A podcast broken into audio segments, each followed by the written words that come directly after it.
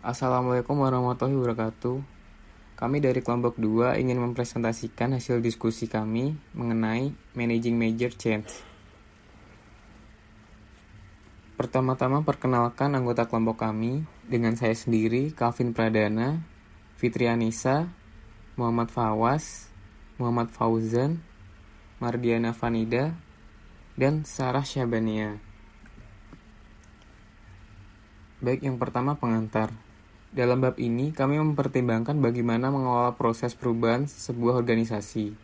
Di sini kita akan menemukan bahwa ini menuntut agar kita mempertimbangkan dampaknya perubahan pada orang yang terkena dampaknya untuk memahami bagaimana orang atau manajer dan karyawan di semua tingkatan mengatasi suatu perubahan.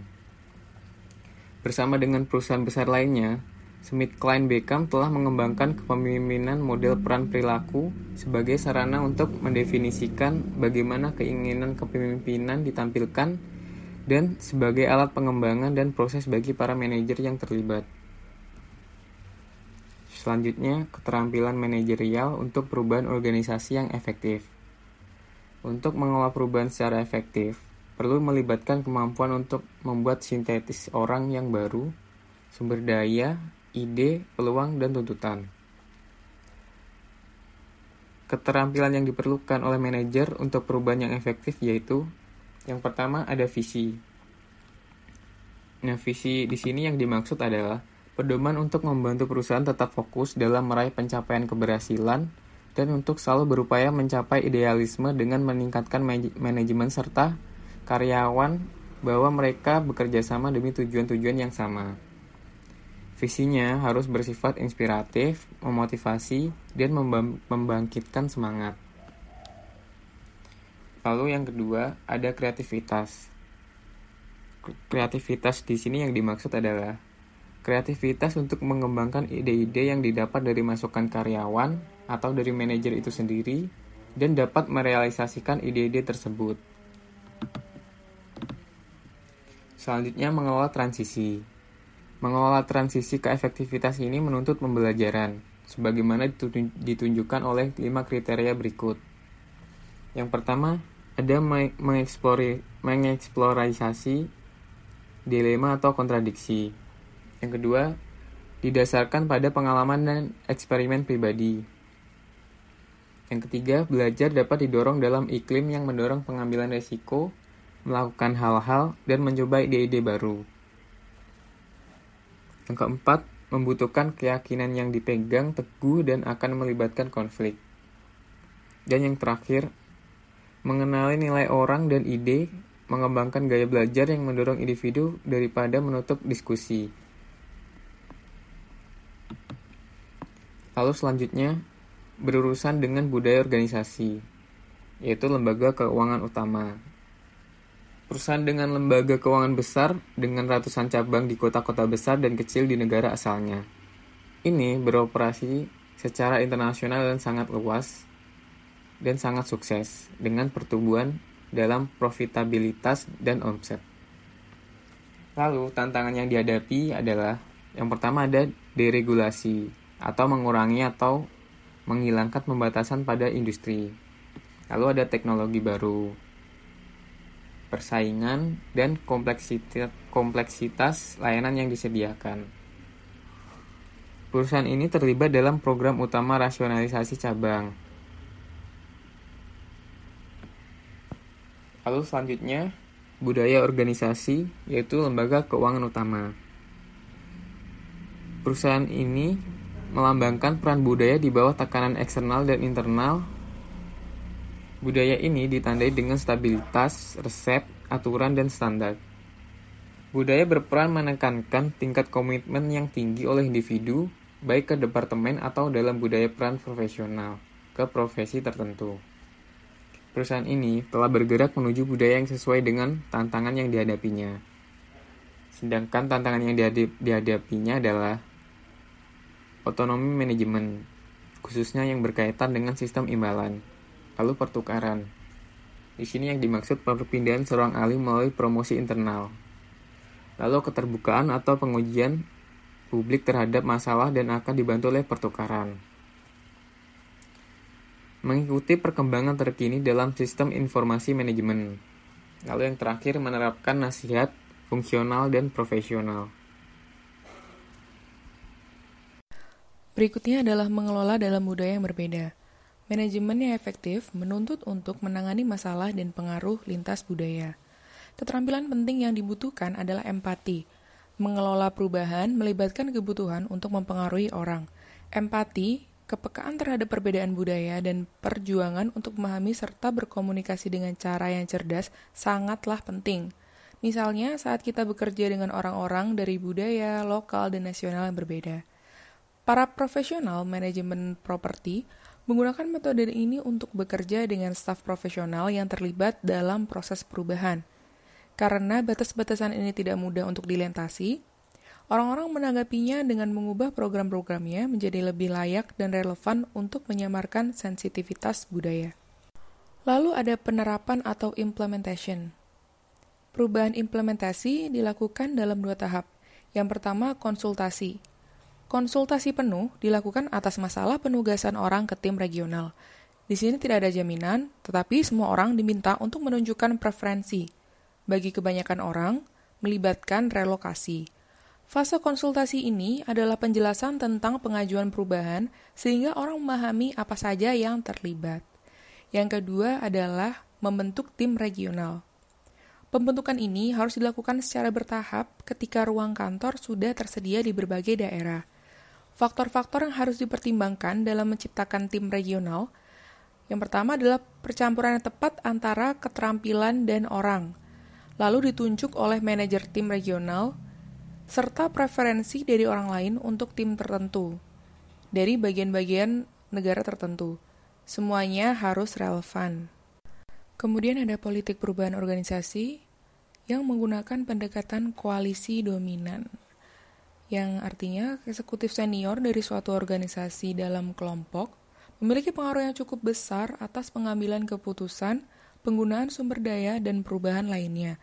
Mereka menciptakan aturan, kebijakan, standar kinerja, dan prosedur yang menyalurkan perilaku karyawan. Dunia politik organisasi ini ditandai oleh struktur kepentingan, tujuan, kekuasaan, dan status yang secara inheren tidak stabil. Tidak berarti bahwa tatanan politik tertentu, misalnya koalisi dominan, akan mudah untuk dibatalkan. Untuk memahami perilaku dalam organisasi, juga harus memahami bagaimana tatanan itu dapat dipertahankan atau dibatalkan – ini berarti mencoba memahami bagaimana masalah seperti itu dapat didekati melalui analisis, diskusi, produksi laporan, dan makalah, juga sebagainya. Selanjutnya adalah mengelola perubahan. Setiap perubahan organisasi yang signifikan menuntut agar cara berpikir dan berbicara tentang apa yang kita lakukan dapat dibalikan, sehingga akan menemui oposisi dan bahkan penolakan langsung.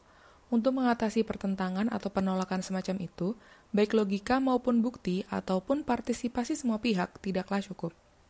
Contohnya Kodak. Kodak pernah menjadi pemain dominan dalam film fotografi. Melihat para pesaingnya mengambil pangsa pasar yang signifikan hingga akhir 1980-an dan awal 1990-an perusahaan mengalami restrukturasi berulang-ulang dan kehilangan 40.000 pekerjaan. Sementara pemfokusan ulangnya telah dicapai, banyak yang beralih pada keberhasilan pencitraan digital. Masalah krusialnya adalah bagaimana mencapai kemampuan untuk beradaptasi secara terus-menerus dalam lingkungan yang berubah dengan cepat. Ini adalah bagaimana penyelarasan sumber daya dari fungsi ke pelanggan. Di sini peran tim lintas fungsi dipandang sebagai blok bangunan yang penting dari strategi perubahan dan tim serta menjadi fokus dari organisasi tersebut. Yang terakhir adalah mengatasi perubahan organisasi. Mengatasi proses perubahan organisasi menuntut para individu yang terlibat. Berbagai masalah perlu dihadapi baik oleh individu ataupun oleh manajer. Masalah ini menjadi perhatian semua individu yang dipengaruhi oleh perubahan organisasi, termasuk manajer.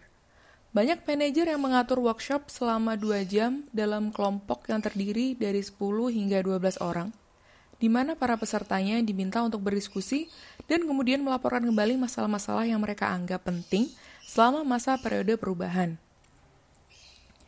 Contohnya seorang manajer senior yang memperkenalkan foto komposisi komputer untuk sebuah perusahaan surat kabar di awal tahun 1970-an. Perusahaan mengizinkan para pengetik untuk mencoba tampilan visualnya di ruang uji, tetapi tidak dalam keadaan pelatihan. Mereka menghilangkan rasa pelatihan formal dan terkejut bahwa mereka diizinkan untuk belajar dengan kecepatan mereka sendiri – Para juru ketik mempelajari teknologi dengan antusias dan cepat. Penting memberi orang kesempatan, waktu, dan dukungan untuk mencoba berbagai hal untuk diri sendiri merupakan cara yang memungkinkan mereka membangun harga diri mereka di bawah kendali mereka sendiri dan untuk memecahkan masalah mereka tentang perubahan sepanjang waktu. Kemudian pelatihan formal memiliki peran yang sangat efektif sebagai alat untuk memastikan kinerja yang konsisten – menyebarkan praktik terbaik, dan sebagainya. Ya, yang berikutnya ada rebuilding self-esteem. Hmm, jadi di tengah-tengah program perubahan yang dijalankan oleh suatu organisasi, seorang individu perlu untuk mengembalikan atau membangun kembali harga diri mereka. Tentunya agar bisa beradaptasi pada pada organisasi ini. Untuk itu, kita bisa lihat gambar di sini yang menunjukkan Eh, bagaimana proses seorang individu dapat bekerja kembali setelah adanya perubahan. Jadi gambarnya bisa dilihat di uh, eh, PPT yang kami kirimkan ya. Jadi yang pertama ada empati. Di sini proses memahami keadaan perubahan pada organisasi. Jadi bagaimana seorang individu ini bisa mengerti akan visi maupun visi yang telah diubah. Kemudian uh, ada support yaitu hmm, seorang individu pasti membutuhkan dukungan untuk membantu mereka menyelesaikan suatu masalah. Kemudian di sini ada skills, yaitu uh, ada kemungkinan dalam perubahan seorang individu itu uh, harus memiliki keterampilan baru. Selanjutnya ada intelligible information, yaitu uh, kejelasan informasi yang dapat dimengerti oleh uh, individu. Nah, ketika seluruh poin ini telah diterima dan diterapkan, maka individu tersebut akan mempunyai pengetahuan dan harga dirinya kembali, dan akhirnya bisa bekerja seperti sedia kala. Next slide ada coping with change, yaitu mengatasi perubahan. Perubahan pada suatu organisasi biasanya menciptakan kecemasan, ketidakpastian, dan stres. Nah, untuk mengatasi masalah dalam perubahan ini harus melihat dari perspektif individu yang terdampak, yaitu orang-orang yang terdampak, eh, orang-orang yang harus melakukan tugas baru, kemudian mengembangkan keterampilan baru dan dilatih ulang dengan pengadaan pelatihan. Kemudian eh, setelah itu kita bisa mengetahui apa saja sih permasalahan yang mereka hadapi sehingga kita harus memberikan pemahaman yang baik bagaimana cara menyelesaikan masalah tersebut. Eh, ketika mereka sudah paham dan dapat mengatasi permasalahan yang ada, maka mereka diharapkan untuk bisa menjadi penggerak utama perubahan yang bisa membantu dan mendukung individu lainnya. Kemudian next slide, uh, the coping cycle, siklus menghadapi masalah. Jadi suatu sistem, proses maupun struktur yang baru tentunya harus dipelajari dalam perubahan di organisasi. Untuk itu, biasanya perubahan ini membuat adanya penurunan harga diri dan berefek pada uh, penurunan kinerja. Kemudian berhubungan juga dengan kepuasan dan kesejahteraan individu, sehingga dibuatlah suatu siklus untuk menghadapi masalah. Next slide ada uh, tahap pertama yaitu penolakan. Jadi ketika ada adanya perubahan pada suatu organisasi, maka reaksi pertama individu-individu yang terdampak adalah menyangkal atau menolak adanya ide-ide baru tersebut. E, karena biasanya individu ini sudah yakin dan merasa nyaman dengan apa yang telah dia kerjakan sebelumnya. Namun setelah proses penolakan tersebut, pada awal perubahan ini, individu justru akan memiliki peningkatan harga diri karena mereka diperlihatkan tentang uh, keuntungan yang akan mereka terima dan keterampilan apa saja yang akan mereka punya nantinya. Sehingga mereka akan merasa yakin terhadap uh, perubahan ini. Baik, saya akan melanjutkan ke tahap selanjutnya yaitu tahap 2 merupakan pertahanan. Jadi diskusi awal tentang perubahan ini mengarah pada rencana konkret dari program perubahan itu sendiri. Jadi para pekerja menjadi harus menjadi sadar bahwa mereka harus berdamai dengan cara mereka bekerja dan dengan lingkungan mereka bekerja yang mengalami perubahan sehingga tidak mengalami frustasi saat mengalami perubahan itu sendiri. Lalu di tahap selanjutnya yaitu adalah tahap membuang. Jadi uh, tahap membuang ini pada awalnya adalah proses persepsi. Jadi orang-orang datang untuk melihat bahwa perubahan itu tidak bisa dihindari dan atau perlu dihindari. Jadi ketika adanya proses membuang ini, apa sih yang mereka buang? Jadi yang mereka buang itu adalah rasa kesal, rasa merasa di, mendapatkan disorientasi, sehingga menciptakan adanya adaptasi. Jadi adaptasi ini dimulai dengan pengakuan. Jadi krisis perubahan menciptakan ketegangan besar bagi mereka yang terlibat, sehingga poin penting, poin penting dalam proses membuang ini atau dalam tahap membuang ini adalah membutuhkannya waktu yang cukup. Selanjutnya di tahap 4 ada adaptasi. Jadi proses saling, saling adaptasi ini muncul. Mulai dari pengerjaan sistem, prosedur baru, struktur, dan mesin bekerja secara efektif untuk pertama kalinya.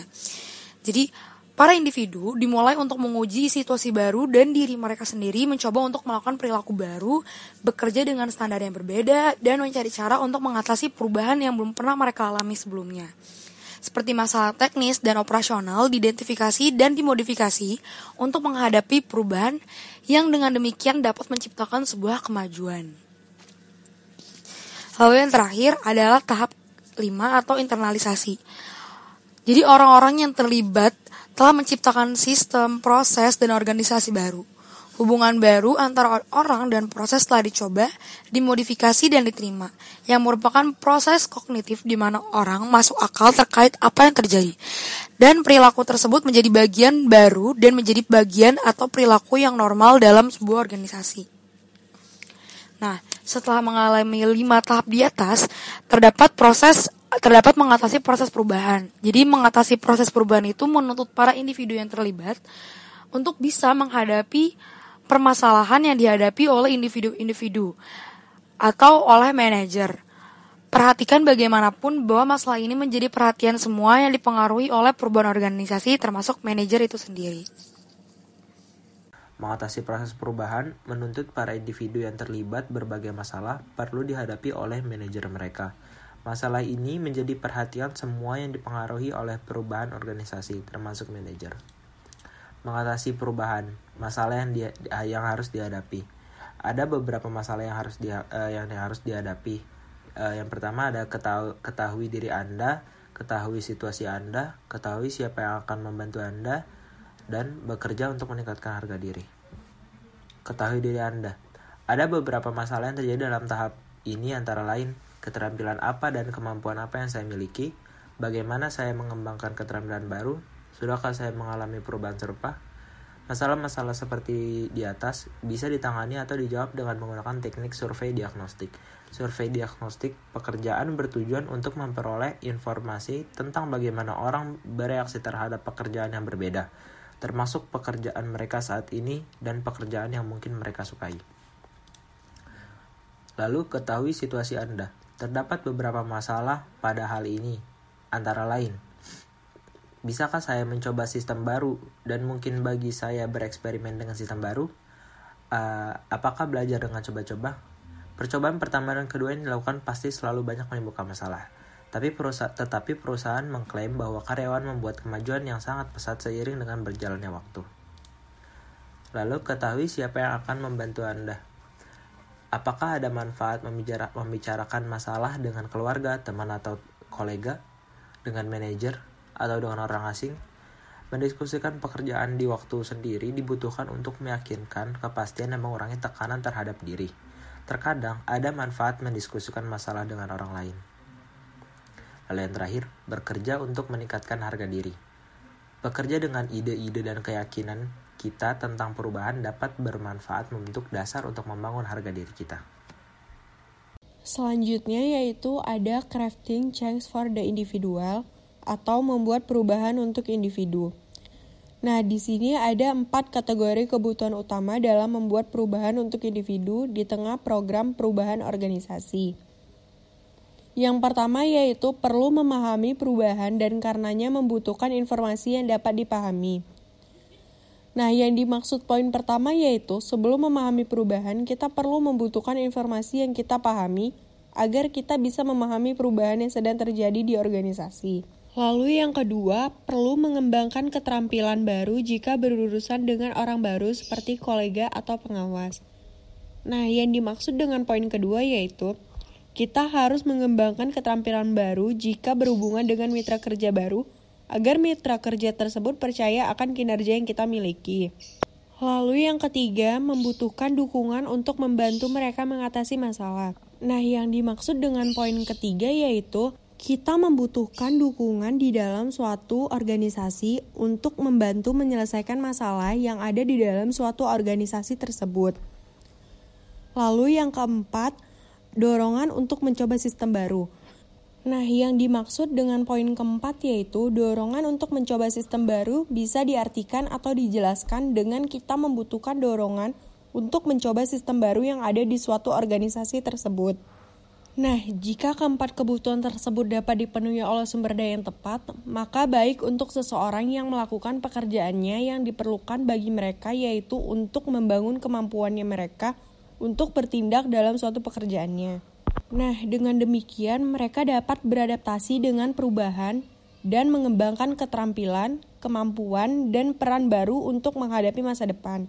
Namun, terdapat dua masalah dalam membuat perubahan untuk individu. Nah, yang pertama yaitu berkaitan dengan penyediaan informasi oleh individu. Nah, lalu masalah yang kedua berkaitan dengan masalah perilaku yang tidak efektif. Selanjutnya yaitu ada providing information atau menyediakan informasi.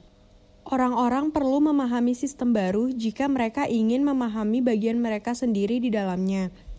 Nah, kapan informasi harus dibagikan? Informasi harus dibagikan jika orang menilai dampak perubahan pada diri mereka sendiri dan pada pekerjaan mereka. Lalu, apakah keterbukaan dan berbagai informasi adalah hal yang baik dan semakin banyak semakin baik? Uh, ya itu tentu semakin baik karena dengan banyaknya informasi yang kita peroleh maka semakin baik karena kita dapat memahami perubahan yang sedang terjadi di dalam organisasi tersebut. Lalu selanjutnya ada give people time atau beri orang waktu. Nah, orang membutuhkan waktu untuk melewati perubahan besar. Ini terutama benar jika perubahan mengharuskan mereka untuk menyelesaikan masalah. Nah, perubahan besar yang dimaksud di sini yaitu orang tidak instan dalam melakukan sebuah perubahan karena memerlukan waktu yang cukup panjang. Dikarenakan dalam suatu perubahan yang besar mempunyai suatu masalah dalam penyesuaian dari perubahan yang sebelumnya ke perubahan yang baru atau yang akan dilakukan. Nah, di sini orang butuh waktu dalam melakukan perubahan, tetapi mereka juga harus perlu menyusun waktu tersebut agar waktu tersebut signifikan. Lalu selanjutnya ada involving people atau melibatkan orang. Adapun keuntungan dan kekurangan dalam melibatkan orang dalam situasi perubahan yaitu yang pertama kita membahas keuntungan. Yang pertama yaitu orang akan lebih memahami tujuan perubahan dan cara kerja sistem baru. Lalu yang kedua memungkinkan kita untuk bereksperimen dan yang terakhir membangun pemahaman yang lebih baik tentang perubahan dan cara mencapainya. Lalu di sini ada kekurangan dalam melibatkan orang yaitu diperlukan waktu lebih lama terutama pada tahap perencanaan. Oleh karena itu membutuhkan lebih banyak waktu dan upaya di tahap awal. Sekian pembahasan materi dari kelompok kami. Jika ada yang ingin bertanya, silakan bisa ditulis di Google Classroom. Terima kasih.